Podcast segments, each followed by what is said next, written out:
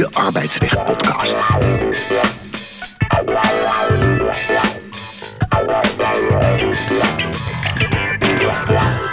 Gepresenteerd door Veerde Korstens. Welkom bij deze aflevering van de Arbeidsrecht Podcast. Een nieuwe serie podcast die, uh, ja, zoals de naam het al zegt, alles bespreekt over het arbeidsrecht. Het zal, het zal je niet verbazen. En in deze podcast spreken we mensen uit dat vak over de ontwikkelingen, zodat alle advocaten, juristen in de wetenschap, HR-medewerkers die met arbeidsrecht te maken hebben, dat die tijdens het autorijden, tijdens het koken, fietsen of gewoon op de bank zitten, op de hoogte gebracht worden van wat er nu speelt in het arbeidsrecht. Arbeidsrecht Podcast. In deze aflevering gaan we het hebben over de wet arbeidsmarkt in balans. En dat doe ik met Pascal Kruid, gepromoveerd aan Erasmus Universiteit Rotterdam en partner bij het Boontje Advocaten. Welkom. Dank u. En ook van de Erasmus Universiteit is mijn andere gesprekspartner Ruben Houweling. Hij is hoogleraar arbeidsrecht aan deze universiteit, redacteur van drie juridische tijdschriften, uh, hoofdredacteur en oprichter van de AR-updates en legal counsel bij Dingemans van der Kind Advocaten. Welkom. Nou, dank. En hoe voelt het achter de microfoon? Iets anders dan in de collegezaal? Nee, eigenlijk niet. Heel vertrouwd. Nee. Heel, heel vertrouwd. Dus uh, ik, zie uit naar, ik, zie, ik zie uit naar al die luisteraars. Oké, okay, dat is mooi. Nou, let's get to business. De, de nieuwe wet die 1 januari uh, van kracht uh, is. waarom is deze wet er? We hadden tenslotte al de WWZ. Waarom is die er gekomen? Ja, waarom is deze wet er gekomen? Ik denk dat, we, dat je eigenlijk moet zeggen, dankzij de WWZ is deze wet er gekomen. Okay. Um, uh, ik denk dat de WAP, de wet arbeidsmarkt in balans, een, een, een, een wet is die de scherpe randjes van de wetwerk en zekerheid uh, eraf haalt of, of eigenlijk de, de, onbedoelde effecten van die wet probeert te corrigeren.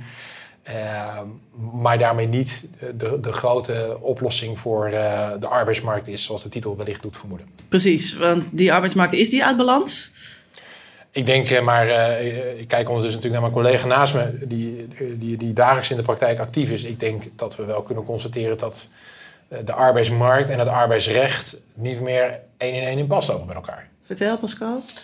Uh, ja, dat, die conclusie van Ruben die, die kan ik wel onderschrijven. Ik denk dat de wetgever steeds probeert uh, werkgevers krampachtig te dwingen in het stramien van de arbeidsovereenkomst voor onbepaalde tijd. de vaste baan voor, voor iedereen. En dat het miskent dat voor veel werkgevers het belangrijk is om toch een deel van het werk in de zogenoemde flexibele schil te houden. Om piek en ziek, zoals wij het noemen, op te vangen. Piek en ziek. Piek, ja, en, en, en dat zorgt er natuurlijk voor dat uh, flexibele arbeid wordt onaantrekkelijk gemaakt, terwijl de behoefte er wel is. En dat betekent dat ja, werkgevers toch op zoek gaan naar andere manieren om flexibel uh, werk in te richten. Uh, waardoor de, de wetgever de doelstelling daarvan om iedereen naar het vaste contract te brengen ook gewoon niet wordt gerealiseerd en ook nooit gaat worden gerealiseerd. Nee, want het doel van de, van de wet is een beetje flexibel, minder aantrekkelijk en vast aantrekkelijk maken. Ja. Maar is dat wel uh, een goed idee in een wereld die juist Precies. flexibeler wordt? Ja, dat, dat, dat, is een vraag die volgens mij de wetgever zich uh, niet stelt. Dat is wonderlijk. Uh, dat, dat is iets waar, waar in de praktijk, en wat ik ook van, van werkgevers vaak terughoor, dat de ontwikkeling in wetgeving zo ontzettend uit de pas lopen met uh, daar waar in de maatschappij behoefte aan is. Ik denk dat dat, dat onderzoek naar wat is nou precies nodig op de arbeidsmarkt en dan volgens welke beschermingsgraad koppelen we daaraan. Uh, een soort vraag is die tot nu toe nou ja, in de politiek nog niet gesteld is. Want jij werkt vooral met werkgevers, vermoed ik? Ja, grotendeels. En, en is het voor werknemers, geldt dat ook dit verhaal?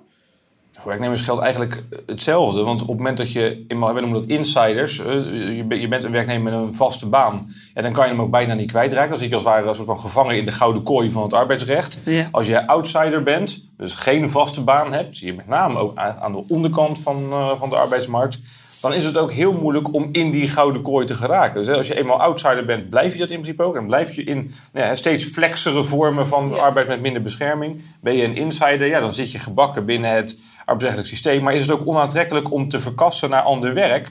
Want dan ben je de rechten die je hebt opgebouwd, die raak je dan kwijt. En daardoor blijven veel werknemers dan toch maar zitten waar ze zitten, omdat ze het zo goed hebben. Ja, dus die werknemers zouden eigenlijk ook liever... Nou, ja, die, zouden misschien wel, wel willen verkassen naar een andere baan. Maar ja, dan krijgen ze eerst maar weer een jaarcontract. En dan weet je niet, dan geef je 20 jaar dienstverband op met bijbehorende aanspraken. En ja, dat is dan toch allemaal een risico. Maar en is dat niet waar de commissie Borslab nu onderzoek naar doet? Precies dat? Eh, jazeker, de commissie Borslap is door de minister ingesteld om eens te kijken hoe moet de arbeidsmarkt er eh, in de toekomst uitzien. Eh, die hebben een eerste notitie gepubliceerd met wat, nou ja, hè, noem maar even denkrichtingen.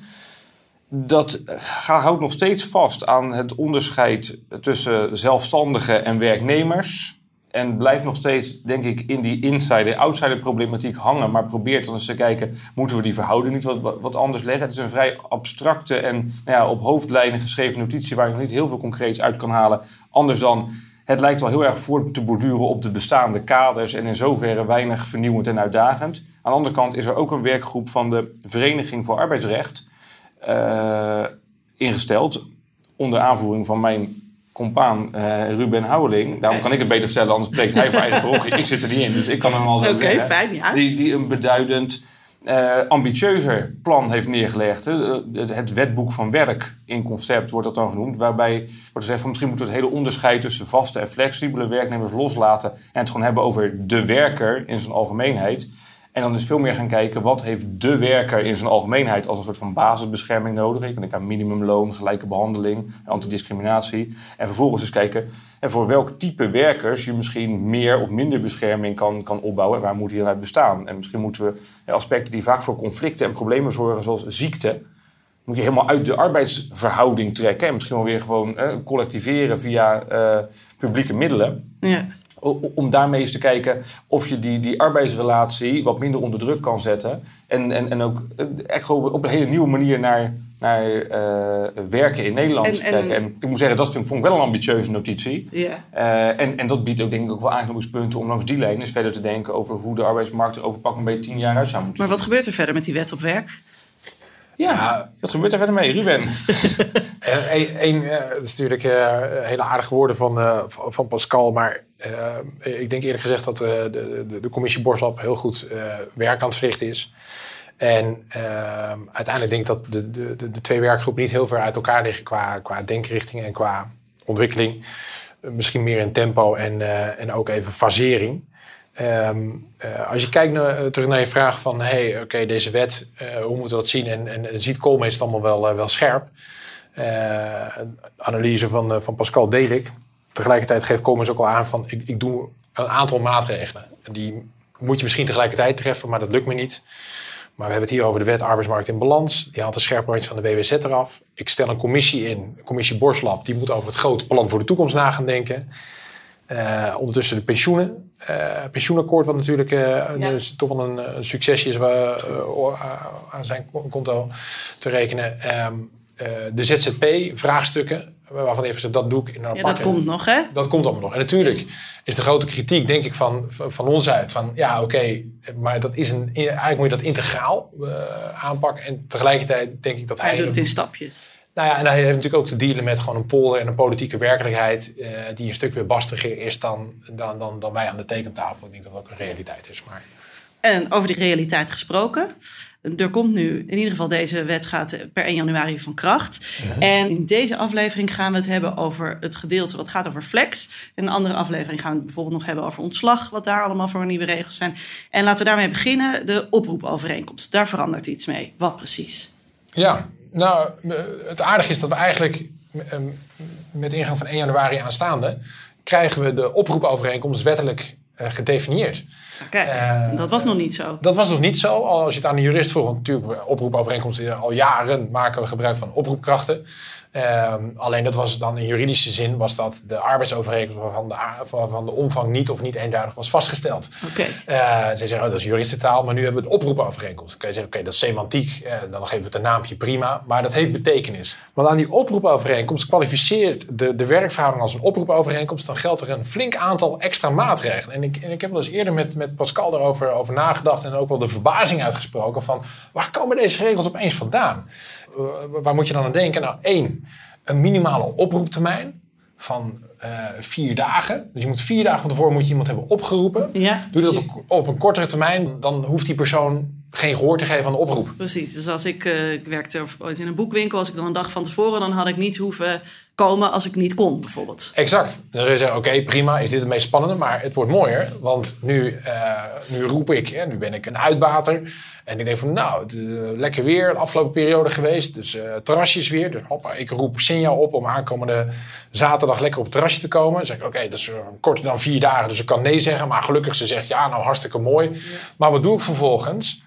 Op vrijdagavond kijk ik naar mijn grote vriend Piet Paulusma. En die zegt, eh, ja, het gaat Zo mooi wordt het helemaal niet. Ja, het wordt helemaal niet mooi. Dus, dus ik bel Zinja op en ik zeg, nou Zinja, eh, we gaan maar lekker shoppen of ga iets doen, maar eh, je hoeft niet te komen werken. En dan kan Zinja zeggen, ja, maar omdat je binnen een vier, vier dagen de oproep weer hebt ingetrokken, moet je toch de uren waarvoor je me aanvankelijk had opgeroepen, dus die drie, vijf uur, moet je gewoon uitbetalen. Oké.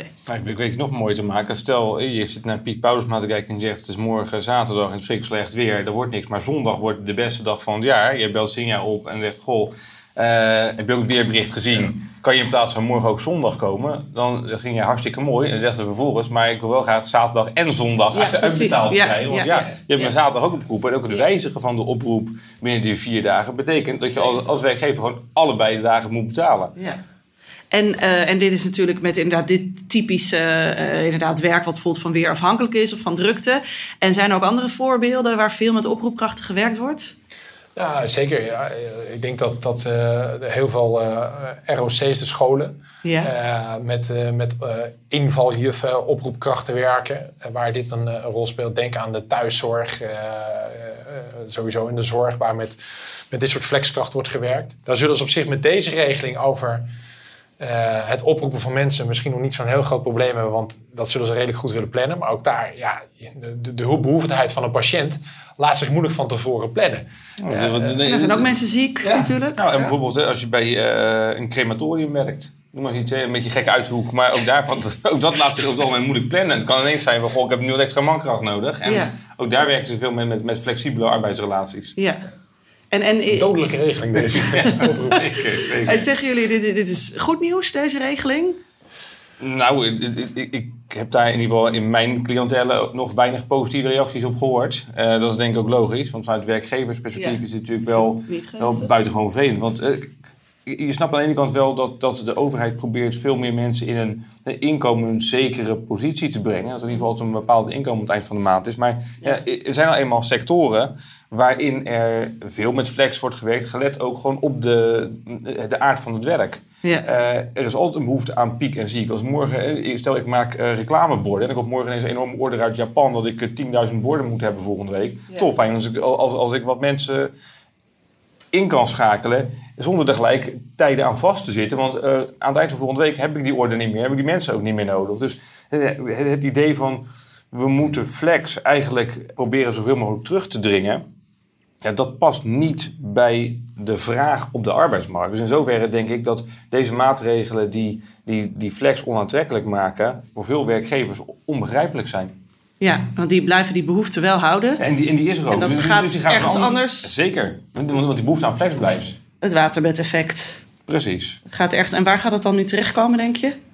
De kans is, is groot dat eh, dit terecht gaat komen bij eh, of ZZP'ers. Want daar, daar hebben we nog geen, geen regeling voor. Daar hebben we in ieder geval voorlopig nog geen regeling voor. En eh, regeling die er is, die wordt voorlopig, eh, de DBA, die wordt weer, is weer de handhaving weer een jaar van uitgesteld. Dus daar kunnen we voorlopig mee, eh, mee aan de gang blijven gaan. Of? Of je kunt denken aan uitzendconstructies. Het uitzendbureau is dan, dan ben ik ook de, de risico's kwijt tegenover het uitzendbureau. Het nadeel daarvan is, is dat het ontzettend duur is. Dus Ja. dat hè, veel werkgevers dan Ja, dus, liever dus voor de ZZP-constructie kiezen dan voor de ja, uitzendconstructie. ja. Maar ik las ook vandaag in de krant dat het gevolg van deze wet is dat het biertje op het terras duurder wordt. Ja, dat las ik ook. Ja, dat, want het gaat dan weer worden doorbelast aan, eh, aan de klant. Dus uiteindelijk dan zijn niet alleen werkgevers er niet blij mee, maar ben je met z'n allen. Kijk, en aan de andere kant, want dat is je, eh, natuurlijk je vraag van, eh, vanuit werknemersperspectief. Je kan er ook tegenover stellen, ja, nou ja, dat is dan misschien de consequentie. Als je een maximale flex wil, als samenleving en ook als werkgever, omdat het nu helemaal de, de, de, de realiteit is van de economie waar we in acteren. Eh, ja, net zoals dat ik een flex-ticket eh altijd kan inzetten. Dat is een stuk duurder dan wanneer ik eh, een vaste tijd ga vliegen. Zo kan je er ook tegenaan Zeker. kijken. Dus, dus in die zin, nou, daar valt ook misschien wel wat voor te zeggen. ja, behalve dat als je op het terras zit, ga je niet meer betalen voor je biertje op het moment dat het mooie weer is waarschijnlijk. Dat klopt. Nou, dat zou trouwens wel Dat zou misschien wel geestig Dan, zijn. Er zijn natuurlijk op zich, er zijn natuurlijk genoeg landen waarin op het moment dat je op het terras zit, dat je meer betaalt dan wanneer je binnen zit. Dat klopt. Dus op zichzelf genomen, ook daar zie je diezelfde werking al. Eh, maar je vroeg ook van, wat gebeurt er nog meer met die overeenkomst? Dit is één van de bepalingen, maar een veel ingewikkeldere bepaling, die wordt geïntroduceerd op 1 januari, eh, is dat je als werkgever elke 12 maanden dat je met zo'n oproepkracht werkt, Ja. moet je hem een arbeidsomvang aanbieden van het gemiddelde van die afgelopen 12 maanden. Dat betekent heel concreet dat als je, eh, nou nu even invaljuf Anita, Ja. die, die heb je een jaar lang wisselend ingezet. Die heeft allerlei- ziektes opgevangen. op- op alles nog wat, prima. Ja. En aan het eind van het jaar dan ga je de optelsom maken en zeg je, joh, ik constateer eigenlijk dat je gemiddeld genomen vijf uur per week over het afgelopen jaar voor mij hebt gewerkt. Ja. Ik moet je nu een contract aanbieden. Dus dat nul uur oproepcontract wordt nu een aanbod van we doen vijf uur per week. Alleen zal natuurlijk deze, deze ROC, deze school zeggen van ja, maar vijf uur per, ik ga niet Anita gewoon vijf uur per week betalen. Ik betaal haar wanneer er iemand ziek is. Waarom zou ik haar vijf uur per week gaan betalen? Ja. Eh, en dat is wel de consequentie van deze wet. Dat je dat als werkgever moet doen, zo'n aanbiedingsplicht. En En daarmee, is dat je dan, eh, als je niet dan een bepaalde periodes eh 20 uur per week nodig hebt, dat je er dan die week 20 uur moet betalen, maar de weken dat je er niet nodig hebt, omdat er. gewoon Ah, dat telt niet op aan het eind wel- van het jaar. Nee, dus Nee. je er wel gewoon 5 uur moet betalen als je het er niet nodig hebt. En, Ja. en dat, is- leidt dus altijd tot een kostenverhoging. Ja. Dus dat, dat is eh, voor werkgevers denk ik eh, onaantrekkelijk. Het vervelende is als je die verplichting tot het aanbieden van die, van die vaste omvang na 12 maanden niet nakomt, Mhm. dat dan de wet zegt, nou dan heeft die werknemer gewoon recht op loon over het gemiddelde van die afgelopen 12 maanden.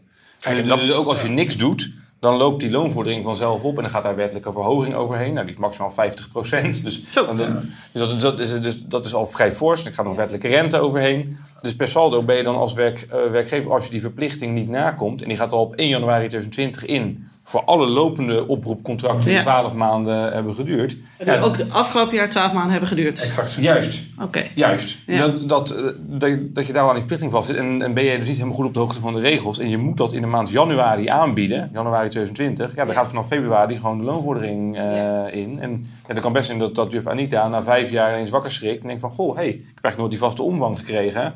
Eh, doe mij nog maar even over de afgelopen vijf jaar. Ja. Het aantal uren wat ik, wat ik in, eh, niet betaald heb gekregen. Oh ja, en dat keer 50 procent. Ja. Dus alle mensen die werken in het personeel, eh Die moeten vooral, niet, die personeelsafdeling. moeten vooral niks, ja, de, personeelsafdeling aan de slag. En Ja. de werknemers die met de oproep moeten vooral achterover hangen. En dus rustig wachten als er niks gebeurt. Vooral niet erom gaan vragen. Want dan, dan loopt de loonvordering vanzelf op. Maar het is natuurlijk wel heel vervelend als jij een, eh, een scholengemeenschap bent met een flexpool van 50 oproepkrachten. Dat je na vijf jaar ineens voor al die mensen eh, met die loonvordering wordt geconfronteerd. Dan hebben we het ineens over heel veel geld. Ja, dat is over de oproepovereenkomst. We gaan het zo over payrolling hebben. Maar we gaan eerst even naar uitgeverij Boom. Wat moeten we lezen, bekijken of luisteren van uitgeverij Boom? Nou, daar gaan we dan. Eh, er komt weer een heel nieuw eh, eh, circus rond de WAP. En eh, wij verwachten eigenlijk dat alles wat we voor de WWZ hebben gedaan, dat we dat eh, gaan vernieuwen voor WAP. En dat betekent dat er een nieuwe poster komt met eh, Mirjam eh, de Blekoer samen. Eh, er komt een nieuwe druk van de WWZ in modellen, ook met aanpassingen rond de WNRA natuurlijk. Dat is met Ten Holte Noordam, Ruben Houweling en Pascal Kruid van Boontje Advocaten. Ja, die kennen we. Die. Die kennen we van de podcast van nu. En dan komt hij nog een keertje langs, want hij gaat ook een nieuwe druk maken, Pascal Kruid van de Q&A arbeidsrecht. En tenslotte hebben we nog twee kleine titels. We verwachten een korte introductie. Eh, dat is trouwens ook met een auteur van Boontje Advocaten. En we komen met een nieuwe druk van de Boom Basics ontslagrecht. Dus eh, voor ons een, eh, een letterlijk en figuurlijk een drukke tijd. Laat ik nog twee hele belangrijke dingen niet vergeten. Eigenlijk misschien wel de allerbelangrijkste zou ik bijna zeggen. Dat is namelijk een, eh, wederom een parlementair geschiedenisboek voor rond de WAP. En, de, en die is inmiddels al verschenen, de tekstuitgave die we ook hebben gemaakt. En daar is inmiddels alweer een tweede druk van.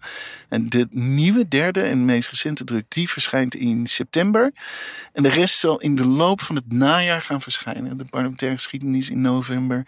Ja, en dan druppelt het een beetje door. Dat Dus vinden we allemaal bij Boom Juridisch. staat op onze, onze website, die trouwens in september, als alles goed gaat, geheel vernieuwd is. Op uh, uh, of www.boom denhaag.nl is het geloof ik. Ik weet het niet eens.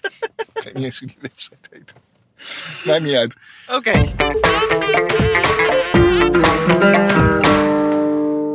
We gaan verder met payrolling, want payrolling krijgt nu een plek in de wet. Dat had het eerder nog niet. Is dat terecht? Ik denk dat het een goed idee is om payrolling eh, nu in de wet te verankeren. Waarom? Nou, de Hoge Raad heeft natuurlijk een paar jaar geleden al in het, eh, in het Care for Care arrest aangegeven dat, het, dat de bal bij de wetgever lag. Ten aanzien van het maken van regelgeving rondom payrolling. En is denk ik goed dat de wetgever die, eh, die handschoen nu heeft opgepakt en dat heeft gedefinieerd. De vraag is of de wijze waarop het gedefinieerd is. Eh, nu eh, ons heel erg Oh, veel iets van een oordeel daarin. helpt, maar het is in ieder geval een begin. Vertel, wat, wat, wat, wat gaat er veranderen? Of wat wat, wat, er? wat ik op zich wel interessant vind, is dat, dat, dat de, eh, de wetgever nu payrolling definieert als een bijzondere vorm van de uitzendovereenkomst. Ja. En dan eigenlijk een uitzendovereenkomst zonder allocatiefunctie. Dat is het bemiddelen tussen vraag en aanbod op de, op de arbeidsmarkt. Eh, daar waar de Hoge Raad juist had gezegd dat eigenlijk voor uitzending in de, de, de reguliere zin van het woord eigenlijk ook geen allocatiefunctie vereist is. Om dan payrolling te definiëren als uitzending zonder allocatiefunctie, terwijl uitzending Helemaal geen eigenlijk ook geen tegenstelling. allocatiefunctie Helemaal geen tegenstelling, nee. Dan, dan, dan, dan, dan ben ik al gelijk een beetje eh, het spoorbijster. Ja. Ehm, en dat is steeds de vraag van, goh, eh, er worden nieuwe regels gemaakt voor, voor payrolling, dat als je daaraan doet, dat je in principe niet alleen het loon, maar ook alle secundaire arbeidsvoorwaarden eh, van de moet Pensioen, toepassen. eh, Precies, pensioen, bovenwettelijke uitkeringen, maar ook, eh, je kan denken, Faciliteiten. ja, als vakantiedagen en e- eigenlijk alles wat, eh, wat bij de inlener wordt toegepast, eh, zal je als payrollbedrijf ook aan de payrollwerknemer moeten, moeten geven. Ehm, en dan is de vraag van, goh, heeft payrolling als methode om op arbeidsvoorwaarden eh, te besparen, dat wordt daarmee eigenlijk net tegengegaan. Dat lijkt mij op zich heel goed, want payrolling enkel voor concurreren op arbeidsvoorwaarden, het lijkt me dat, dat de wetgever daarvan zegt. waarom? Dat, Waarom dat, dat, dat, is niet de eh, bedoeling, omdat eh, als in een bepaalde sector is afgesproken in een CAO eh, of bij de werkgever zelf, want we hebben voor deze functie vinden we dat dit hè, 3500 euro een, een rechtvaardige beloning is en dat je recht hebt op 40 vakantiedagen en recht hebt op een eh, sportabonnement bij de fitness hieronder. Het zou een beetje gek zijn als iemand die eh, via payrolling komt alleen maar die 3500 euro krijgt, voor de rest 20 vakantiedagen en geen sportabonnement, terwijl die hier in dezelfde kamer hetzelfde werk zit te doen. Dus dat je zegt van goh, gelijk werk moet gelijk beloond worden, ongeacht de constructie waarbinnen het werk wordt, wordt verricht.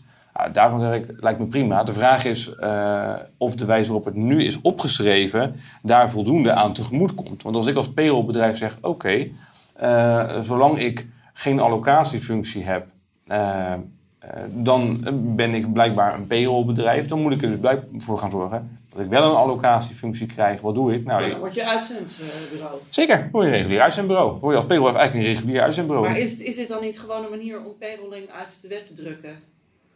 Eh, Uit de Nou, nou, nee, ik, ik denk eerlijk gezegd dat, dat er een beeld heerst eh, dat uitzend, bij, bij een uitzendbureau dat men denkt aan, nou, dat is Randstad, dat is een nette werkgever die een bepaalde functie op de arbeidsmarkt heeft.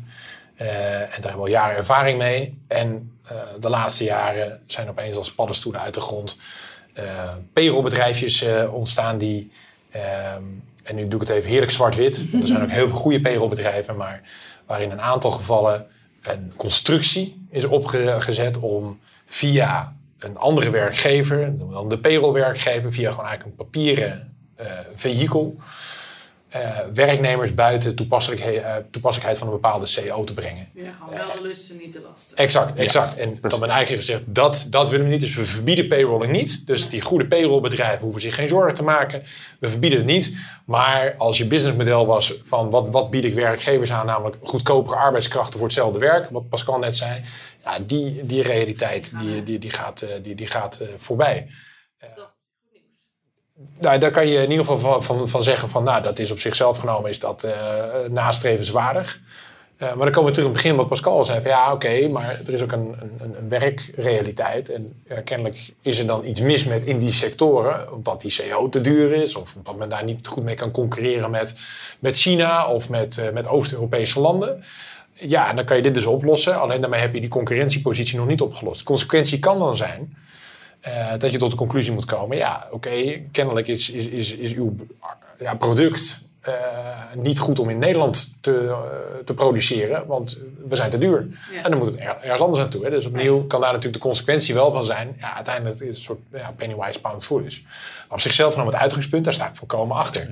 En sterker en nog, waarom zou je nu dan nog een payrollbedrijf inhuren als je Precies, gewoon salarisadministratie, waar, waar payroll ooit mee begon. Eh, Ja. eh, de salarisadministratie wordt gedaan. nou ja, en, En, dan, en dan sommige risico's, Ja. zoals bijvoorbeeld hè, eh, reïntegratie bij ziekte. Die wordt dan overgenomen door het payrollbedrijf. Je kan eh, risico van ontslag. Het payrollbedrijf moet, moet natuurlijk voor ontslag zorgen dragen als de inlener de overeenkomst beëindigt. Dus er, er zitten wel een aantal arbeidsrechtelijke risico's die je kan, kan, kan overhevelen. Alleen voor het payrollbedrijf zit natuurlijk minder verdienmodel in, omdat Ja. ze gewoon meer aan arbeidsvoorwaarden moeten aanbieden aan die werknemers. Dus de kosten daarvan, als die arbeidsrechtelijke risico's worden overgenomen, ja, die zullen gewoon worden afgewenteld op de inlener. En dan is de vraag of de inlener nog bereid is om zoveel meer te betalen voor het afkopen van arbeidsrechtelijke risico's. Ja, want nu wordt het verschil tussen uitzendbureau en payroll Nou, eh, sterker nog, eh, gewoon hetzelfde. Nou nee, het, het verschil wordt in die zin eigenlijk juist heel groot. Omdat eh, voor de uitzendwerkgever, dus het uitzendbedrijf, daar geldt alleen maar voor, alleen maar, maar daar geldt eh, de zogenoemde equal pay norm voor. Dus dat betekent, die moet tenminste eh, het kale loon, zoals we dat dan noemen, eh, dat moet hij betalen eh, zoals dat wordt verdiend bij de, bij de inlener. Dus in het voorbeeld, eh, Randstad eh, zendt Ruben uit naar de Erasmus Universiteit. Nou, dan moet eh, Ruben in ieder geval krijgen wat zijn, eh, zijn collega onderzoeker hier ook krijgt. Ja.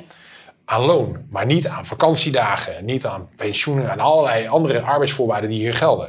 De payrollwerkgever moet het wel. Dus, je, dus wat je eigenlijk gaat zien is dat uitzending, als het goed is, goed, eh, goedkoper is dan, Ja. dan, dan payrolling. Ja. Dus als payrollbedrijf wil je dan eigenlijk liever een uitzendbureau zijn dan payrollbedrijf. Ja. En ik denk dat de criteria zoals ze nu in de wet staan, namelijk een payrollbedrijf is een bedrijf dat geen allocatiefunctie vervult en dat werknemers exclusief aan één werkgever ter beschikking stelt.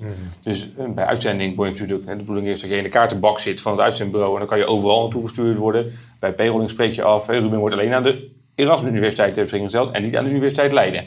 Terwijl als jij nou op papier opschrijft, hè, we maken een overeenkomst met Ruben waarin we zeggen van goh, eh, Ruben, we zenden je nu uit naar, naar de Erasmus Universiteit. Maar goed, het staat ons vrij om je ook uit te zenden naar de Universiteit Leiden en de Universiteit van Amsterdam. Eh, ook al doen we dat feitelijk niet, maar je houdt er wel het recht voor, dan heb je al geen exclusieve ter beschikkingstelling. Als we vervolgens zeggen, in plaats van dat de Erasmus Universiteit een onderzoeker werft, dat is Ruben, die wordt bij payrollbedrijf aangebracht, kan je ook zeggen, we geven de vacature aan het payrollbedrijf, die gaat werven en selecteren en die allokeert Ruben vervolgens bij de Erasmus Universiteit. Dus daarmee heb je eigenlijk die, die allocatiefunctie kan je vrij makkelijk bij het payrollbedrijf leggen. Exclusieve ter beschikkingstelling kan je gewoon wegcontracteren in de, in de overeenkomst die partijen opstellen. En dan is de vraag of de nu in de wet opgenomen criteria niet heel makkelijk zijn te omzeilen, zodat iedere payrollorganisatie op 1 januari is omgevormd tot uitzendbureau. Ja. En daarmee in feite gewoon dezelfde situatie gehandhaafd blijft. Dus, dus, hè, dus ik vraag me af, dus het doel is nastrevenswaardig, zonder meer. Ja. Eh, de vraag is of, of- of het ingezette middel ook het doel gaat bereiken. Nou, daar heb ik wel twijfels bij. Bij een payroll-definitie is de, de, de uitzendovereenkomst zonder allocatiefunctie en die exclusieve ter beschikkingstelling. Wat is de consequentie daarvan?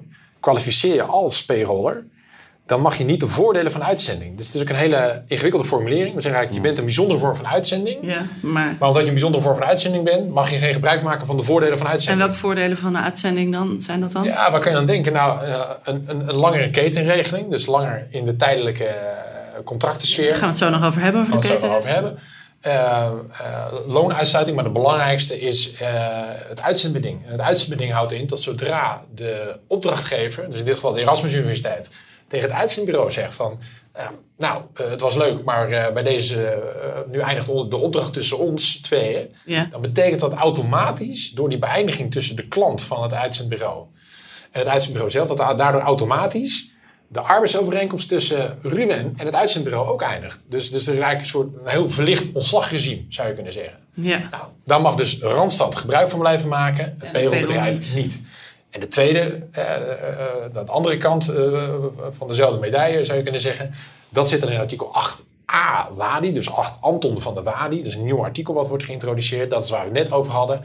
Niet alleen het loon, maar je moet alle arbeidsvoorwaarden. En echt alle Ja, arbeidsvoorwaarden. dus ook, ook een kortingsabonnement op Blijdorp, bij wijze van spreken. Dus gewoon in principe alles zit er gewoon... eh, ik begrijp dat ze in, eh, bij jou eh, regelmatig naar de dierentuin gaan. Zeker, maar, zeker. Ja, ja, ja. Ik kom er graag. Belangrijk, belangrijke arbeids... eh, Ah, en een van de belangrijkste punten ten slotte hierover misschien is, eh, daar is veel over te doen geweest, is, is ook pensioen. En dat is, dat is wel een ding, een, echt een dingetje om het maar populair te zeggen. Want dat betekent dus dat zo'n payrollbedrijf die Ruben bij de Erasmus Universiteit te werk stelt, eh, die moet opeens het ABP-pensioen gaan betalen. Eh, gaan regelen voor Ruben. Maar het probleem is natuurlijk, ze doen niet alleen maar Ruben bij de Erasmus Universiteit, ze doen ook in de haven, weet ik wat, overal. Dus die hebben opeens twintig verschillende pensioenregelingen. Nou, dat, dat, dat mag soms niet eens, of dat is heel ingewikkeld. Ja. Dus dan mag je ook een eigen adequate regeling. Nou, en wat is dat dan? Nou, dat is een gemiddelde premieregeling. Daar wordt nu nog druk aan, eh, aan geregeld. Maar dat betekent dat je alles bij elkaar, het zelfs, ja, het zo kan zijn dat je als gepayrolde werknemer zelfs betere arbeidsvoorwaarden hebt dan de werknemer die, die er feitelijk werkt. Omdat ik in ieder geval altijd een pensioen heb. Ik val in ieder geval altijd onder de stip. Wat je daar ook van kan vinden. Eh, eh, zelfs als de werknemers waar ik word te werk gesteld niet eens een pensioenregeling hebben. Dus het heeft echt wel impact. Oké. En als ik jullie zo hoor, daar gaan we nog wel meer van horen hoe dit verder gaat. Ongetwijfeld. Nou, dan ehm, gaan we zo inderdaad eh, het nog hebben over de ketenregeling en ook de premiedifferentiatie. Maar eerst een eh, vast onderdeel, eh, de vaste vraag. De vaste vraag. Begin bij jou, eh, Pascal. Als jij iets aan de wet zou mogen veranderen, wat zou je dan doen? Mogen, mag deze wet zijn, mogen ook andere, andere wetten zijn? Ehm, als ik iets zou mogen veranderen... Ja, poeh, dat is lastig kiezen. Zoveel. Dat veel wat ik zou willen veranderen. Nou, ik, zou, eh, eh, ik denk het belangrijkste is de loonbetalingsverplichting bij ziekte, die nu in Nederland twee jaar is. Terwijl nou ja, in, in de rest van de wereld het maximum, geloof ik, eh 12 weken is. Dan zou ik direct eh terugschroeven naar beneden. Ja. Dus eh, we hebben, ik zou zeggen, maximaal zes weken betaalt de werkgever Dat het dat is een groot salaris. verschil. En eh, daarna gaat dat gewoon over naar de ziektewet. Want daarmee, wat ik gewoon in mijn praktijk zie, is dat ziekte van een werknemer eh, en, de, en de enorme zware verplichting. Want een werkgever moet niet alleen salaris betalen, maar ook een vervanger in, eh, inschakelen. En heel veel aan reïntegratieverplichtingen en kosten dragen. En dan na twee jaar Ja. ook nog eens een keer een ontslagvergoeding betalen. Dat werkgevers zeggen, goh, eh, ergens is wel gewoon de grens bereikt. En hier is de grens al heel lang, heel ver overschreden. Dus ik denk, als je, als je eh, maar de druk van de arbeidsrelatie af wil halen... en een bron van conflicten wil Kun je wegnemen... beter daar dan beginnen. zou ik zeggen, moet je daar beginnen. En volgens mij weet iedereen dat ook wel. En toch is het nog geen kabinet gelukt om, om daar eens een keer wat aan te doen. En ook nu is dat, vind ik, echt een gemiste kans in de, in de WAP... Om, om dit nou eens voor eens en voor altijd goed op te lossen. Nou, Ja, maar het heeft natuurlijk ook wel een reden. En Dat, dat, dat, dat komt omdat eigenlijk eh, is onze loondoorbetaling tijdens ziekte, met name de reïntegratieverplichting, is een, is een succesproduct. Eh, omdat eh, de instroom in de via nog nooit zo laag is geweest. Arbeidsparticipatie van zieke werknemers hoog is. En de grap is dat deze hele regeling komt eigenlijk vanuit een, als even in politieke sferen, toch vanuit de werkgevershoek, als ik het zo mag afficheren. Eh, vanuit de, de VVD destijds zei van ja, alle, al die mensen die verdwijnen daar in, het, in, de, in, in een donker gat. Wat eh, de arbeidsongeschiktheidsregeling heet. En eh, ja, een UWV moet zich daar over de reintegratie gaan bekommeren. Maar dat komt gewoon niet van de grond. En, eh, en, en, en ja, jongens, dat moet het toch anders. Dus het leek een heel, een heel goed mechanisme. Eh, op macro-economisch niveau is het ook een, eh, is het een het succesformule. goed? Het is alleen inderdaad terecht dat je zegt van ja, de individuele werkgever. En Ja, daar.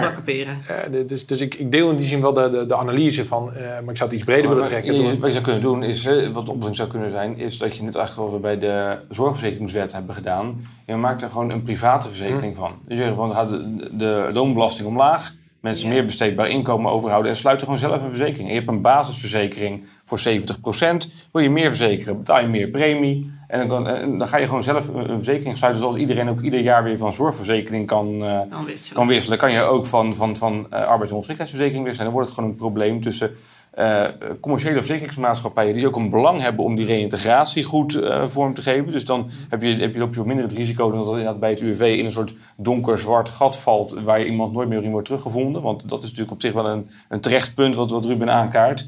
Eh, maar ik denk, je moet het uit de arbeidsrelatie halen om daar gewoon spanning en druk, die je gewoon in bijna ieder langdurig ziekteproces ziet, dat wil je er toch wel, eh, denk ik, vanaf halen om ook die arbeidsrelatie tot, bij zieke werknemers wel tot een succes te, te houden. Ja, kijk, en eigenlijk zeg je daarmee, je haalt de sociale zekerheid Ja, uit de contractuele relatie. Ja. Met de werkgever en werknemer. Exact, want eh, om twee redenen. Eén, we zien namelijk dat werkgever en werknemer een, een, een- een, een steeds kleinere groep wordt. Er zijn steeds meer mensen die Ja. geen werkgever meer hebben. Ja. Dus het hele mechanisme, dat hele denken is aan het uithollen. Ehm, en twee, eigenlijk belast je daarmee een, een contractuele rela- relatie met publieke belangen. Hè. De- dat kan je ook heel mooi zeggen. Het is eigenlijk een publiek belang. Eh, hoe vang je arbeidsongeschiktheid op, maar ook hoe vang je werkloosheid op. Ja. Dat zijn publieke taken die we in, in, eigenlijk in, in, waar we private actoren de verantwoordelijkheid voor hebben gegeven. Dus dat, en dat zouden we dan meteen tegelijk kunnen oplossen met het ZZP-vraagstuk, waar dit ook speelt. Ik denk dat je heel veel van het ZZP-vraagstuk oplost als je ziekte, wat toch, eh, dat is ook onderzocht, eh, eh, met stip een argument één is waarom werkgevers geen vaste arbeidsovereenkomst aanbieden. Risico's Vanwege ziekte. nog veel meer dan, dan het eh, ontslagrecht. Je hebt Ja. ziekte, dan heb je ziekte, dan heb je ziekte. En dan heb je daarna een keer het ontslagrecht. Dus ik denk, als je, als je dat probleem uit de arbeidsrelatie trekt, dan denk ik dat je ook, ook heel veel ventiel creëert om, om toch weer die mensen in naar een arbeidsovereenkomst te Dus brengen. laten we hopen dat minister Koolmees en de commissie Borstlab luisteren. Hier is de oplossing. Nou, ja, ja, zo ingewikkeld is het allemaal niet. Precies. Nou, dan gaan we door met iets wat ook al niet zo ingewikkeld is, de premiedifferentiatie. Nee, dat, dat, dat, dat is op zich niet ingewikkeld. Want dat, dat is dat je voor tijdelijke contracten, eh, als- voor flexcontracten, Ja. ook oproepovereenkomsten, eh, uitzendovereenkomsten, krijg je gewoon 5% meer sociale zekerheidspremie. Ja, Nou, zover is de regeling is niet ingewikkeld. Namelijk in plaats van 2,7 ga je 7,7% sociale premies betalen. Het probleem is wel weer precies wat Ruben net zegt. We gaan nog weer meer eigenlijk collectieve problemen in de arbeidsrelatie stoppen. En weer de werkgever nog meer belasten, nog meer druk op die toch al, laten we zeggen, schouders die al overladen worden met druk. Ja, ja ik vind het onverstandig. Ik zie het aan je. Ja, plus je zit hier ook wel, maar dat geldt ook voor de payrollregeling. Dat hoorde je Pascal net denk ik ook wel eh, heel duidelijk zeggen. Gewoon is eh, uitvoering en handhaving. Want ook hiervoor geldt natuurlijk dat het allerlei vragen oproept. Contract is leidend, dus we gaan naar contracten kijken. Maar wat als iemand zo meteen drie tijdelijke contracten heeft... en die wordt geconfronteerd in eentje voor onbepaalde tijd... eh, krijg je dan toch drie jaar hoge premie? eh, allemaal dat Ja. soort vragen. Nou, dat, dat zijn allemaal misschien een beetje details, maar ja, dat is wel het, vaak het probleem met, met, met wijzigingen in de arbeidsmarkt. Het komt juist aan op al die details. En dat maakt het vaak zo, zo complex. En ik zeg altijd maar, in België wist men ook al in de jaren 50 dat het onderscheid tussen arbeiders en bedienden, mensen met een, eh, De hoofdjes en de handjes. de hoofdjes en de handjes. Wat, wat is dat, het verschil? eh, Mensen die werken met de handen en mensen die werken met de hoofd. Oh, zo, ja, ja, ja. Dus dat was eigenlijk de witte borden, eh, de blauwe borden. Hè. Dus Ja. de, de managers die, eh, die hadden een andere rechtsbescherming dan de mensen op de werkvloer. En Ja. je zou verwachten, de mensen op de werkvloer krijgen, hebben dus meer bescherming. Maar dat is juist omgekeerd. Eigenlijk de mensen, eh, die, eh, de, de managers die hadden meer bescherming. Want ja, als die natuurlijk hun baan eh, verloren of er gebeurde wat mee, had het grotere impact. Dat onderscheid was raar. Dat, dat, dat is een ongelijke behandeling. Eh, dat wist men ook al lang. Alleen het probleem is, van een hele samenleving is ingericht op... Er zijn sportverenigingen voor arbeiders en er zijn sportverenigingen voor bedienden. Er zijn vakbonden voor arbeiders en voor bedienden. Dus de regeling is misschien makkelijk, maar de uitvoering is een stuk complex. Nou, daar was het van een cultureel aspect. Ja. Maar ook hiervoor geldt, als je, als je een regeling niet goed kan handhaven... dat geldt ook voor die payrollregeling. We zeiden net steeds heel makkelijk... ja, Randstad eh, als uitzendorganisatie... en eh, eh, payrollbedrijven eh, als, als payrollers. Maar de werkelijkheid is natuurlijk een stuk weer pastiger. Zeg Want, ik nog, Randstad payrolt ook. ja, dus dat, en dat maakt het natuurlijk vaak lastig om, om regelingen goed door te voeren. Maar en dat geldt denk ik hiervoor. Ik denk dat de regeling zelf eenvoudig is, maar de uitvoering een stuk complex. Maar, maar waarom is dat lastig? Je moet gewoon meer betalen, punt. Ja, alleen hoe, hoe weet ik dat ik meer moet betalen? En dat, dat heeft dus met natuurlijk registratie te maken. Wat voor type contract. Dus het moet allemaal worden gecontroleerd. Ah, wie, ja, wie gaat het controleren of je dat wel doet? En, Ja. Oké. En- Als je nou een vast contract geeft en dan sla je, dan sla je in de proeftijd, dan is het toch volgens de regeling weer een flexcontract. En dan zou ik eigenlijk hoge premie moeten betalen. Oh, En wie, wie gaat dan oh, controleren of Oké, jij in de proeftijd bent ontslagen als je wel een onbepaald tijdcontract. Kortom, het is allemaal gewoon. Er zitten allemaal zoveel details in. Dat je af moet vragen of de kosten voor handhaving opwegen tegen. Wat het de- oplevert. Ja, wat het oplevert. En Maar, dan, en uiteindelijk hoor je denk ik ook ons de hele tijd zeggen van... dit zijn allemaal, eigenlijk is het symptoombestrijding. Hè? Dus Ja, er, zit een, precies. er zit een diepere oorzaak. En dat hoorde Pascal net ook heel mooi analyseren en eh, zeggen van... Nou, daar, misschien moet je de oorzaak eh, aanpakken. En dat is ook waar ik hoop ik van de commissie Borslab. Dat die zegt, nou, dit is mooi. Je hebt nu wat symptoombestrijding, wat, pla- wat, wat pleistertjes en wat eh, paracetamol. Dat was goed voor een paar jaar. Maar nu echt met een grand new design. Ja, want Ja. het is gewoon allemaal nog steeds eh, pleisters op een, op een werkelijkheid waar niemand meer voor dat gouden horloge gaat na 25 jaar dienstverband. Dat we allemaal gewoon korter bij een werkgever werken, veel lossere contracten ook. Maar is dat ook wat we ook willen? Ja, dat is heel mooi. eh, de, vraag, denk ik, die, eh, waar, waar Borstap ook mee is begonnen. Hè? Werkland wil je werken. Eigenlijk om die vraag ook eh, beantwoord te krijgen. En ook hier zit een beetje een kip-ei verhaal. Want je zegt, kijk, de werkelijkheid is nu helemaal zo dat je allemaal korter werkt en dat gouden horloge niet meer haalt. Eh, waardoor komt dat? Dat heeft deels gewoon een economische realiteit. Eh producten, dat is gewoon eh, een hele mooi onderzoek naar gedaan dat gewoon de, de levensduur van een product aanmerkelijk korter is, is geworden. Maar je vroeger met een product kon komen en zei, nou, dan kan ik gewoon de komende 40 jaar, is dit mijn product? Ja. Eh, zie je nu gewoon van ja, wat, wat vandaag hip is, is, ja, over, is over drie jaar. Nou, dat is heel erg achterhaald. En Ja. je ziet bedrijven enorm groeien en vervolgens weer verdwijnen. Dus daar, ik geloof wel dat daar een, een snellere omlo- eh, omloop in zit. Maar tegelijkertijd, ja, als je de arbeidsrelatie misschien minder belast met, eh, met al die eh, sociale zekerheid. en dat gewoon een contractuele verhouding maakt, zullen er misschien veel meer werkgevers zijn die zeggen, nou op zichzelf nou maar zo'n vast contract. Want dat, dat, dat, dat is voor mij een stuk minder risicovol, een stuk minder problematisch als waar ik, hoe ik dat nu zie. En kunnen misschien opeens die langere dienstverbanden eh, Kunnen toch wel. kunnen wel, maar dat moet wel anders worden ingericht. Ja. We gaan nog heel even verder met pleister, want dat is toch onze realiteit eh, Ja. nu. Want ook de eh, transitievergoeding verandert iets. Ja. Eh, ik, ik denk op zichzelf dat dit een regeling is die ongetwijfeld door werkgevers niet, niet als plezierig zou worden ontvangen. Want ze vonden de transitievergoeding al niet zo plezierig. Althans, met name kleine werkgevers niet. Maar ik denk op zichzelf genomen dat deze regeling wel op, op, op instemming kan rekenen. Omdat, wat wordt er gewijzigd? Nu is het zo dat je eerst twee jaar eh, bij een werkgever moet werken. Vanaf dag één bouwt je transitievergoeding al wel op. Dus je ziet, een soort, je ziet ergens een staartje, zie je, hey, ik bouw een, een, een kleine ontslagvergoeding op. Ja. Maar ik, ik heb er pas aanspraak op als ik tenminste twee jaar hier werk. Ja. Dus als ik voor het verstrijken van die twee jaar weg ben, dan, dan, dan, dan krijg ik die ontslagvergoeding niet. Dus ik word in de proeftijd ontslagen of ik heb een half jaar contract wat niet wordt verlengd, dan krijg ik nooit een ontslagvergoeding. Dus er zijn heel veel mensen die in die flexschil zitten, die nooit die ontslagvergoeding krijgen. ja, omdat je altijd korter dan twee jaar werken. Exact. En dat is toch eigenlijk wel raar als je zegt die transitie is bedoeld voor mensen die transfereren van werk naar werk. Misschien moet je juist zeggen, juist die mensen die in die flexskill zitten, die heel veel te moeten transfereren, die hebben dat misschien een beetje nodig, dat smeermiddel. En eh, dat wordt dus nu mogelijk gemaakt vanaf dag één heb je daar Heb je gewoon, recht op. hoe, hoe kort ook, krijg je een hele kleine transitievergoeding, Ja. maar die krijg je wel. Ja. Dus wat hebben we het dan over als je ergens een paar weken gewerkt hebt dan? Ja, dat- in de memorie van toelichting staat een mooi voorbeeld. Als je, nou, als je een modaal salaris van 3000 euro hebt en eh, je wordt na vijf dagen in de proefwet ontslagen, heb je recht op 22 euro bruto. Mooi. Nou, dat is toch leuk? Dus, eh, nou, Ga je toch van naar de Mac?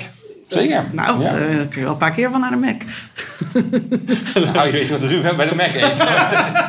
Ik- ik- dat, is, dat is één keer voorzichtig bestellen. Oké, oké, nee, precies. Oké, en gaan ze dat ook doen? Gaan mensen dat ook doen, denk je, die transitievergoeding aanvragen? Ja, je je kan er niet voor procederen voor 22 euro bruto. Nee. Dus je, het is, als werkgever hem niet betaalt, dan zal je toch voor naar de rechter moeten. Weliswaar met een 100% winstkans, want ja, je hebt hem gewoon schuldig. Alleen, de- de- iedere advocaat zal zeggen, zeg nog zelfs de rechtsbijstandsverzekeraar zal zeggen, je eigen risico van 100 euro is nog Ja. meer dan wat je kan krijgen. Dus ik ik zou het lekker bij laten. Ja. Dus, dus, dus ja, dat, dat, dat is Maar vervelend. Afdwingbaarheid is, is denk ik niet zo groot, maar je moet het wel betalen. Maar Ik, ik denk dat in heel veel gevallen mensen gewoon zullen zeggen: oké, als dit zo is, dan, dan, dan is dat maar zo. Prima. Het gaat ook maar om een paar tientjes. Eh, maar ook wel weer, eh, eh, waar Pascal natuurlijk al de hele tijd op hamert, is: eh, stel je nu eens even voor, ik ben een uitzendbureau. En ik zend iemand eh, voor een weekje hieruit, dan weer even een paar dagen niet, dan eh, een weekje daaruit, en dan eh, drie weken niet, en dan een maandje daar weer. Steeds, dat, Ja. dat, dat- die moeten steeds afrekenen. En, nou, die- Je steeds bij ieder, bij ieder die verschillende ja, ja. werkgever moet je iedere keer transitievergoeding. eh En moet je omrekenen per dag. Dus dat is, Ja. eh, daar kan je wel een fulltime iemand voor aanstellen. ja, ik dat alleen al, dat uitrekenen is al een klus. Nou, en als die fulltime wordt aangesteld, hebben we dat doel ook weer bereikt. eh, Weer Dat is fantastisch. Daar zal- daar zal- dat- Daar zal het om gegaan zijn. Nee, dat, dat, dat, dat is natuurlijk een eh, mooie, mooie eh, algoritme wat, wat wordt gemaakt en wat gelijk wordt verdisconteerd per uitzending, denk ik. Maar eh, het heeft wel impact. Ja. Dan gaan we zo naar het laatste onderwerp. Maar eerst nog een vaste vraag ook voor jou, Ruben. De vaste vraag. Wanneer wordt arbeidsrecht uitgeoefend zoals arbeidsrecht bedoeld is? Heb je daar een voorbeeld van? Ik denk, dit is echt zoals het zou moeten zijn? Ik ben blij dat jij deze vraag krijgt. Nou, maar ik, denk eerlijk gezegd dat in heel veel gevallen... eh, want uiteindelijk is, is arbeidsrecht gewoon regulering van, van, van, van werkverhoudingen. Ik denk dat we gelukkig in heel veel gevallen moeten constateren... dat eh, de, de gemiddelde werkgever is er niet op uit om zijn werknemer eh, uit te buiten. Eh, natuurlijk, in sommige sectoren gebeurt dat. Waarom? Omdat arbeidsfactor de enige factor is waar, waarin je het verschil kan maken. Dan is de, de kostprijs van arbeid is, eh, waar het verschil wordt gemaakt. Ja, dan, eh, dat zijn ook de kwetsbare groepen. Maar in heel veel gevallen is die werkgever gewoon bezig met een mooi product. En die wil gewoon goed voor zijn werknemers ook zorgen. Dus eigenlijk denk ik dat we in, in zekere zin mogen zeggen in Nederland... we doen het best wel goed. We mogen best wel trots zijn. Oké. Ik denk dat, we, dat als je je vraag omgekeerd stelt van... wat zou er gebeuren als je arbeidsrecht weghaalt eh, uit een eh, samenleving? En Nou, wat dan, nou, het, het risico wat er dan gebeurt, hetzelfde dat je bijvoorbeeld zegt, waarom hebben we CO's in sommige sectoren? Is dat je zegt, en waarom verklaren we die algemeen verbindend? Waarom geldt die voor iedereen? Is omdat je dan misschien spanningen krijgt. En misschien kunnen we zeggen, dat zien we nu ook al in Europa, met vrij verkeer van. Dan zeggen, hey, de, de, de kostprijs in Oost-Europa is aanmerkelijk lager. Dus als we die chauffeurs lekker in Nederland laten rijden, nou, wat gaat er dan gebeuren? En op een gegeven moment zeggen we, de Nederlandse chauffeurs, we zijn eigenlijk te duur, dus wij kunnen beter andere werkzaamheden gaan doen. Eh, als je niet ergens een, een, een bodem hebt van, van, van rechten, dan vrees ik wel dat, dat hoe goed ik ook als werkgever wil zijn, ik op een gegeven moment mee moet gaan, omdat de markt mij dwingt mee te gaan. En dat je dan de race, wat we dan zo mooi noemen, de race to the bottom. Eh, en ik denk dat dat altijd een, het belangrijkste uitgangspunt van arbeidsrecht is, van die bewaakt die ondergrens. oké. Oké, mooi antwoord. En dan de laatste waar we het over gaan hebben... is eigenlijk een beetje een vreemde eend in de bijt. Want waar die wet de hele tijd wil proberen... om vaste contracten aantrekkelijk te maken... en een flex minder, is de ketenregeling is dat eigenlijk andersom. Ja, ja. Want inderdaad, de, de- Pascal die zegt de hele tijd zo mooi van... Wat, wat doet de WAP? Flex minder flex, vast minder vast. Maar vooral nu het onderdeel flex minder flex. Dat geldt eigenlijk voor alle bepalingen die we tot op heden hebben besproken. Maar dan komen we bij de ketenregeling. En daar kan je veel van vinden. Maar je kan in ieder geval niet zeggen... Dat, dat het minder flex wordt. Die wordt minder flex. Want we zeggen eigenlijk juist, we maken hem wordt juist flexer. flexer. Want die 3 keer 3 die het ooit was... Ja. die werd in de WVZ werd ver, Drie keer twee, keer verminderd. Ja, precies. Ja, Is nu weer 3 keer 3 ja. zijn we terug bij af. Ja. ja en de- Sowieso wonderlijk. Het- De argumentatie is ook heerlijk, die je erover terugleest. Dat is, we gingen van 3 keer 3 naar 3 keer 2 omdat eh, in de WWZ toen werd beschreven... ja, eh, we willen eigenlijk werkgevers stimuleren om veel sneller dat vaste contract aan te bieden. Eh, want anders heeft, zitten mensen drie jaar in zo'n flexcontract. Ja. Toen zei iedereen al, doe dat nou niet. Want eh, in plaats van na drie jaar op straat en ze moeten weer opnieuw zoeken... gaan ze dan na twee jaar op straat en, ehm, en opnieuw zoeken naar, eh, naar werk. Nou, wat blijkt, we zijn vier jaar verder. Ja, werknemers staan na twee jaar op straat in plaats van na drie jaar. Dat Ja. wist iedereen al, maar behalve toenmalig minister Ascher. Eh, en, en, en nu zegt Koolmees, nou ja, weet je wat we dan doen? Ja, nu ze allemaal na twee jaar op straat staat... gaan we wel weer terugbrengen naar drie jaar. Ja. Terwijl we dan, en dat zegt de Raad van State ook wel mooi, ja, die drie jaar werkte ook niet. Hè? Dat eh, leidde ook niet tot een doorst- snellere doorstroom naar vaste contracten. Zoals twee jaar ook niet leidt tot een Nee. doorstroom naar, Nee. naar vaste contracten. Misschien, en de Raad van State die doet dat vrij eh, kort en sumier af. Zegt van, goh, misschien zou het zijn als we eerst eens onderzoek doen... naar wat er nodig is om die doorstroom te realiseren. En dan zou je daar beleid op kunnen maken... in plaats van heen en weer yo-yo tussen drie en twee jaar... waarvan we nu empirisch hebben vastgesteld dat het allebei niet werkt. Nee. Nou, dat vond, vond ik een eh, hele zinnige eh, opmerking, Raad van Ja. State. Dus hopen dat daar iets mee gedaan wordt in de. Nou ja. Ik ben heel benieuwd wat dat, hoe dat weer verder gaat. Voorlopig is het voor werkgevers zover prettig dat ze nog een jaar langer kunnen, kunnen, kunnen flexen met een werknemer. Overigens wel natuurlijk weer tegen die hogere premies. Dus het gaat wel weer meer kosten. Dus ook daar wordt aan de achterkant wel weer gezegd: joh, je kan het wel langer doen, maar de kosten worden ook eh, hoger. En is dit gewoon eh, politiek geweest? Dit is denk Ja, ik denk een, ik ook. eh, een, een politieke Uitruil. geweest. Ja, Ja. zonder meer. Zonder meer. Oké, duidelijk. Dus nou, wie weet dat dat ook nog weer, weer, en weer een keer. Misschien weer terug, na twee jaar misschien. Wie zal het zeggen? Ja. Eh, zo hebben we nou, nu een, een gedeelte. Een gedeelte, zullen we inderdaad maar zeggen, van de wet de arbeidsmarkt in balans hebben we besproken. Eh, volgende aflevering wil het gaan hebben over ontslag. Hebben we daar net zoveel over te bespreken als eh, dit? Of nog meer? Nou, ik denk eerlijk gezegd minstens zoveel. Minstens maar zoveel. misschien nog wel meer. Dat gaat nog Ja. meer impact hebben. Oké. Nou, uh, bereiden jullie vast voor, doe ik dat ook. En dan uh, hoop ik uh, dat onze luisteraars dat ook, er ook bij zijn de volgende keer. Ik wil jullie bedanken, Pascal Kruid, Ruben Houweling. Bedankt dat jullie dit wilden bespreken. Um, nou, hopelijk horen we jullie weer terug in de volgende aflevering van de, de Arbeidsrecht podcast van Boom Juridis. je mag altijd reageren, onderwerpen aandragen. Je kan ons bereiken via Twitter of LinkedIn. kan bijvoorbeeld via LinkedIn van Boom Juridis of van mij, Veerle Korstens. Want ik was weer jullie host. de eind Is gedaan door Arno Peters. En we horen u graag weer bij de volgende aflevering van de Arbeidsrecht Podcast.